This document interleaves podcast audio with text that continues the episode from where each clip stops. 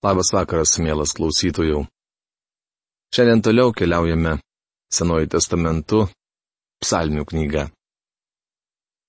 84 psalmi. Tema - Dievo namų ilgesys. Šioje Koracho sūnų psalmėje pabrėžiama kunigystė. Koracho sūnus tarnavo padangtėje, o vėliau šventykloje. Metraščių pirmos knygos 26 skyriuje galime daugiau sužinoti apie Korachų giminę. Vartininkų tarybos skyriai iš Korachų žmonių buvo Koracho palikonis Mešelemijas, vienas iš Asafo sūnų, rašoma metraščių pirmos knygos 26 skyriaus pirmoje eilutėje. Toliau eina ilgas Korachų giminės sąrašas.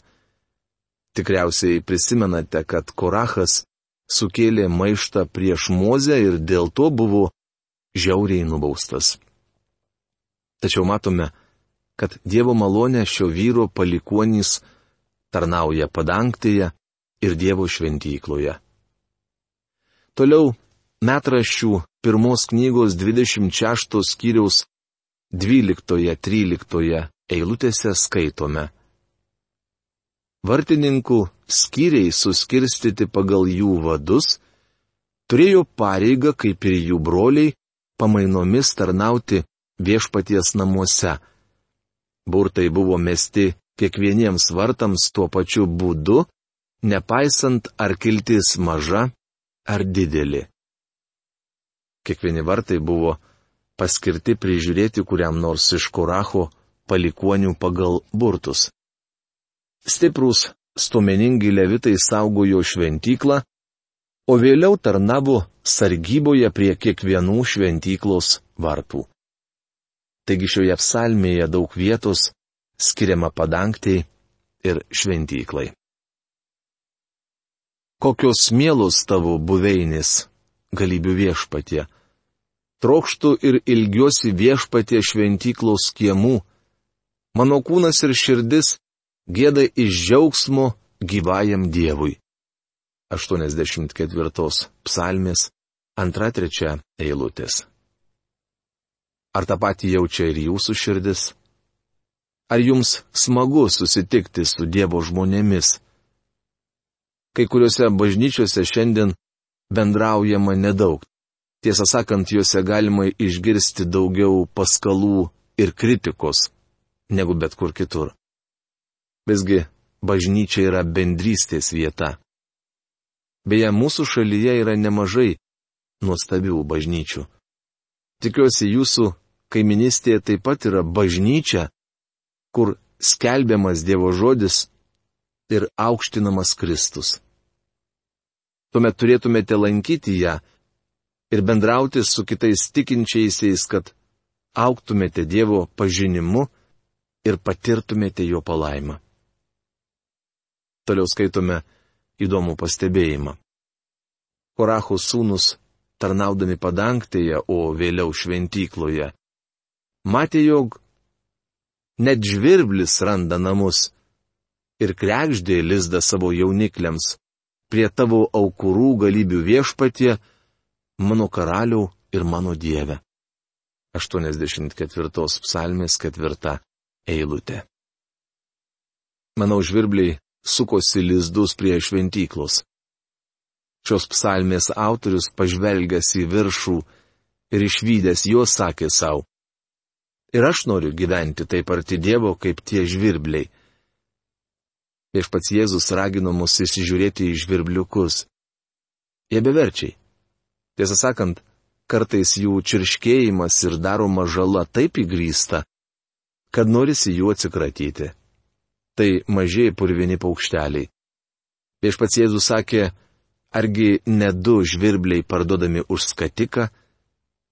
Ir vis dėlto, ne vienas jų nekrinta žemėn be jūsų tėvų valius. Citata iš Mato Evangelijos 10 skyriaus 29 eilutės. Ne vienas žvirblelis negali nukristi žemėn tėvui nematant. Dangaus tėvui. Iš tikrųjų, originalo kalba čia pasakyta daugiau. Jėzus sako, kad žvirblis krenta į jūsų tėvo glėbi. Tėvas žino viską apie šį mažą dangaus sparnuoti. Dieve, maloniai pažvelk į mūsų skydą, pasižiūrėk į savo pateptojų veidą. 84 psalmis 10 eilutė. Kosto burbulio Biblijos vertime skaitome. Pažvelk Dieve mūsų skydę. Dievas yra mūsų skydas. Pasižiūrėk į savo pateptojų veidą. Čia kalbama apie Mesiją. Kristus Mesijas, būdama žemėje, atskleidė mums Dievo veidą. Kaip matėme kunigų knygoje, šventovė buvo Izraelio tautos gyvenimo centras. Kadaise Amerikoje visuomeninio gyvenimo centras buvo bažnyčia. Deja, šiandien ji nėra net religinio gyvenimo centras. Žinoma, taip neturėtų būti. Juk viena diena tavo kiemuose vertesnė už tūkstantį bet kur kitur. Verčiau gulėčiau prie Dievo namų slengščio, negu gyvenčiau nedorėlių palapinėse. 84 psalmės 11 eilutė. Jis sako, juk viena diena tavo kiemuose vertesnė už tūkstantį bet kur kitur. Verčiau gulėčiau prie Dievo namų slengščio, arba kaip verčia Kostas burbulys, geriau būti durininku Dievo namuose, negu gyventi nedorėlių palapinėse. Prisiminkite, kad Koracho sūnus ir buvo durininkai arba vartininkai. Psalmininkas sako, verčiau dirbčiau savo darbą, negu būčiau nuo Dievo nutolęs turtuolis. Kai kurie žmonės pamaldų metu vis žvilgčioja į laikrodį, norėdami įsitikinti, ar pamokslininkas ne per ilgai kalba. Psalmininkas sako, aš verčiau praleisiu vieną dieną tavo namuose, negu tūkstantį kur kitur. Tai nepaprasta psalmė, kurioje daugelis galime išgirsti priekaištą savo. 85 psalmė. Tema - būsimasis Izraelio atgaivinimas. Šios skyriaus pantraštėje skaitome choro vadovui Koracho sūnų psalmė. Kai kurie kritikai 85-ąją psalmę sieja su Izraelio tautos sugrįžimu į savo į kraštą Ezros ir Nehemijo dienomis. Iš tikrųjų šioje psalmėje nekalbama apie Ezros ir Nehemijo laikus. Kritikai sugalvojo tokį paaiškinimą todėl, kad nepripažįsta pranašiško psalmino aspekto. Mes studijuojame psalmino dalį, kurią parašė keletas autorių. Įdomiausia, kad šiuose psalmėse pasakojama vientisa istorija. Nors aš netvirtinsiu, kad psalmių išdėstymas įkvėptas, panašu, jog Dievas prižiūrėjo ir šią sritį. Kaip matėme, psalmės sujungtos į ciklus, kuriuose piešiamas pranašiškas paveikslas. Šioje psalmėje kalbama apie ateitį. Man nekelia pasitikėjimo toks vertimas ar aiškinimas, kurio autorius netiki, jog Biblija yra Dievo žodis. Aš visiškai pritariu tarnautojui iš pietų Kalifornijos, kuris sakė, leisti modernistui versti ir aiškinti Dievo žodį, tas pats, kas padaryti beprotį teisininku, šundaktarį gydytojų, vilką aviganių ar aligatorių kūdikio auklę. Man belieka pridurti Amen. Manau, mums reikia aiškintojų, kurie tiki, jog Biblija - Dievo žodis. O Dievas ateitį žino taip pat gerai, kaip ir praeitį. Taigi pažvelkime į šį pranašišką paveikslą. Viešpatie, tu gailestingas savo kraštui, tu parvedi namo Jokūbo belaisvius. 85 psalmės antra eilutė. Daugelis kritikų mano, kad šioje eilutėje kalbama apie žydų sugrįžimą iš Babilono nelaisvės. Tačiau iš tikrųjų, anuo metu į savo žemę sugrįžo labai maža dalis izraelitų. Mažiau negu 60 tūkstančių žmonių. Didžioji dauguma nesugrįžo.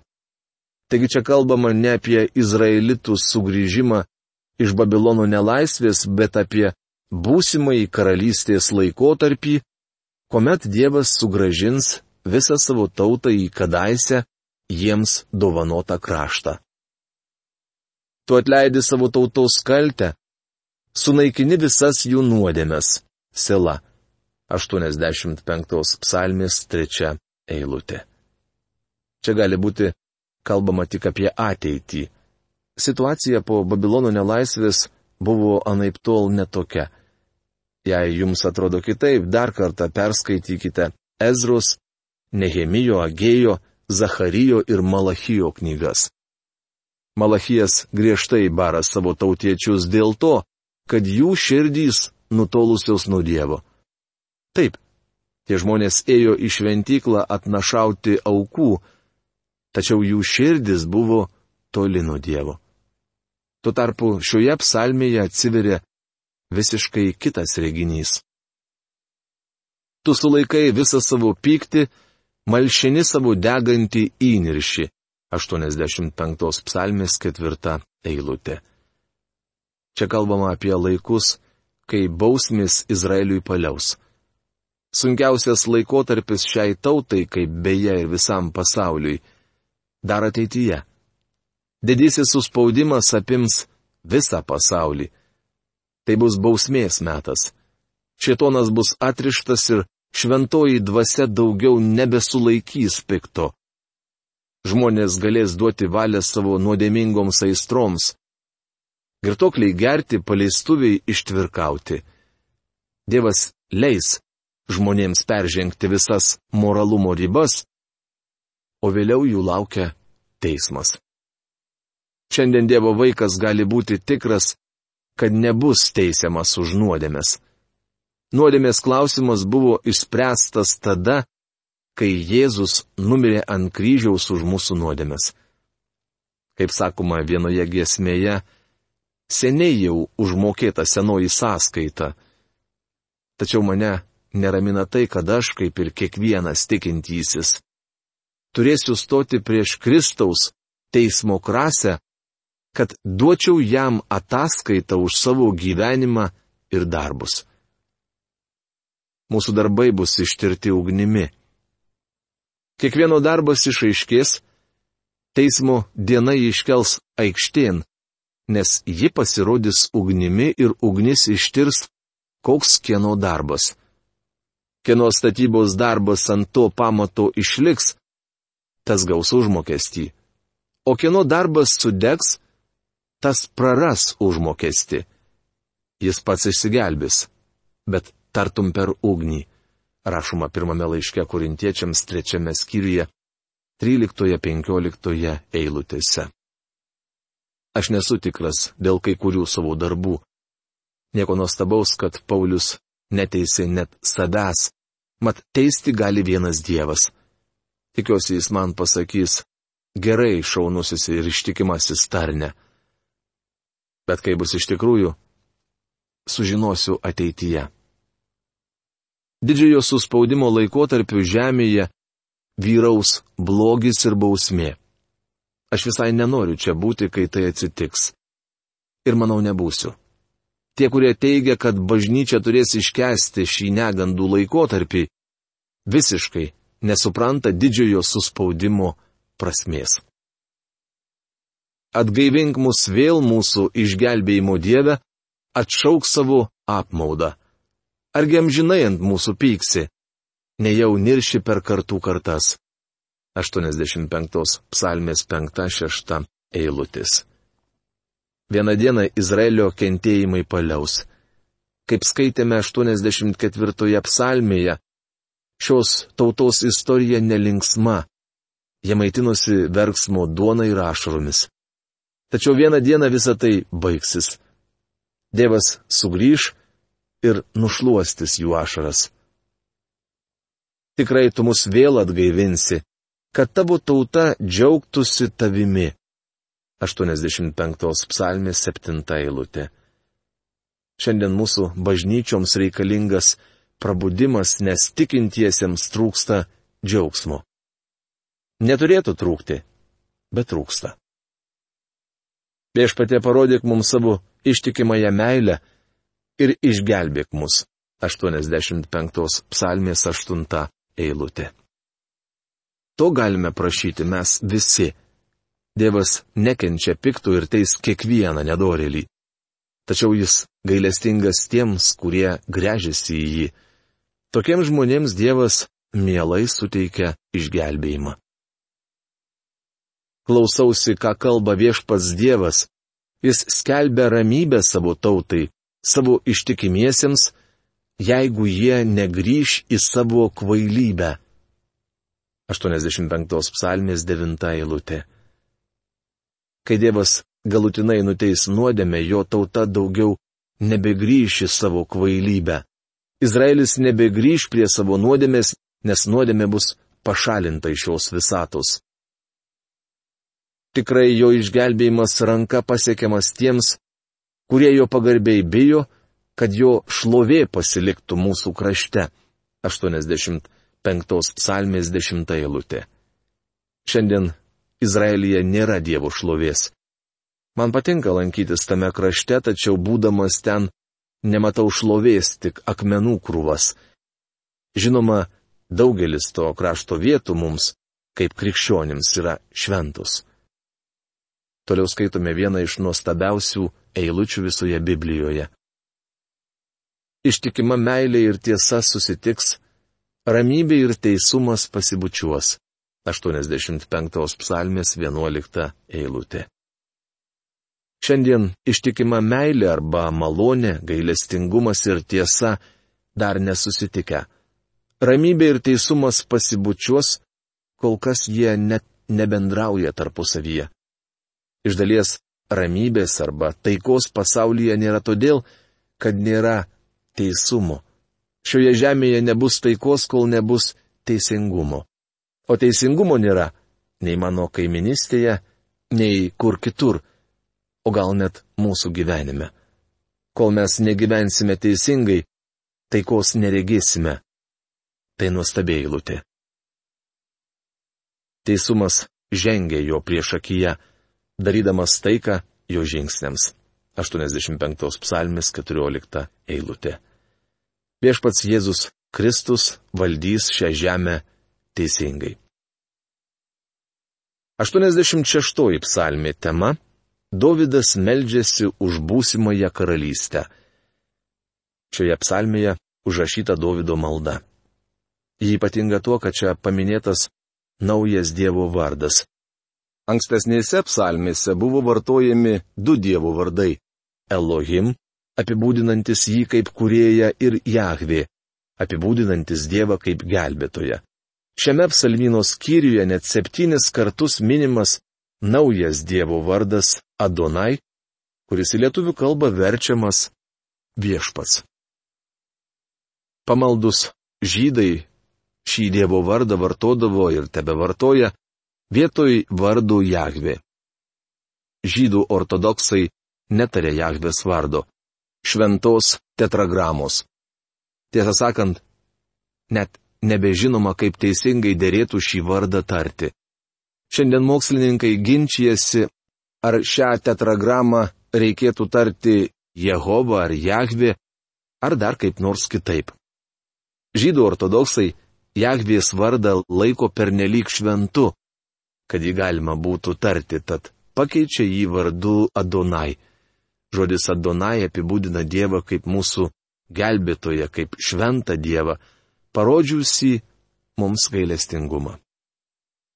Kadangi vardas Adonai šioje psalmėje paminimas septynis kartus, kai kurie Biblijos aiškintojai laiko ją mesenistinę.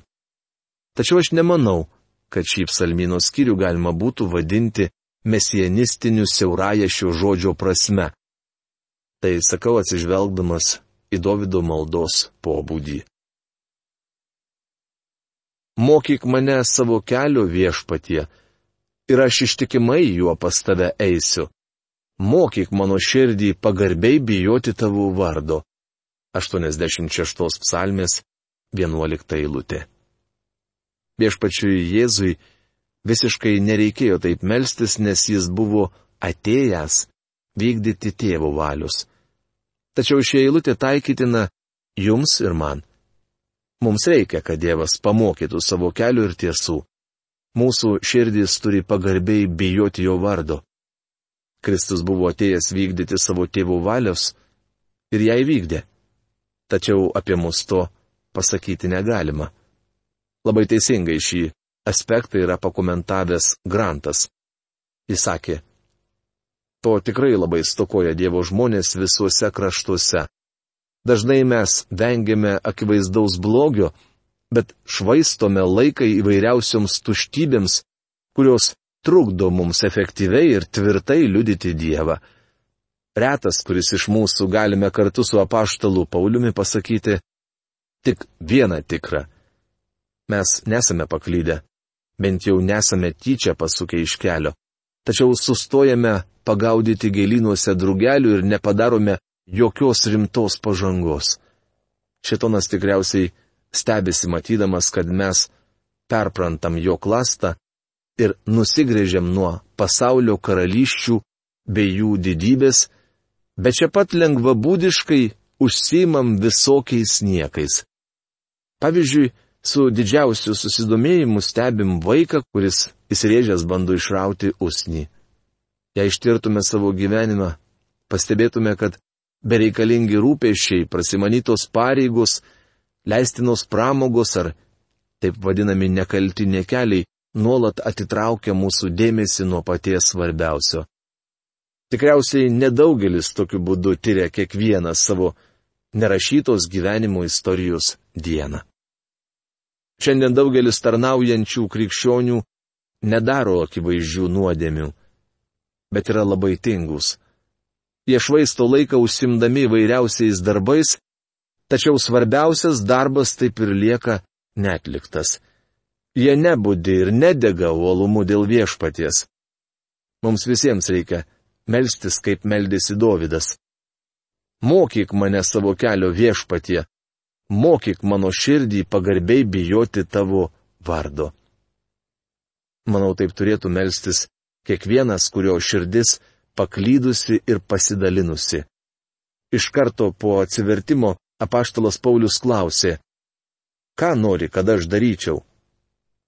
Dovydas žinojo atsakymą mokyk mane savo kelio viešpatie.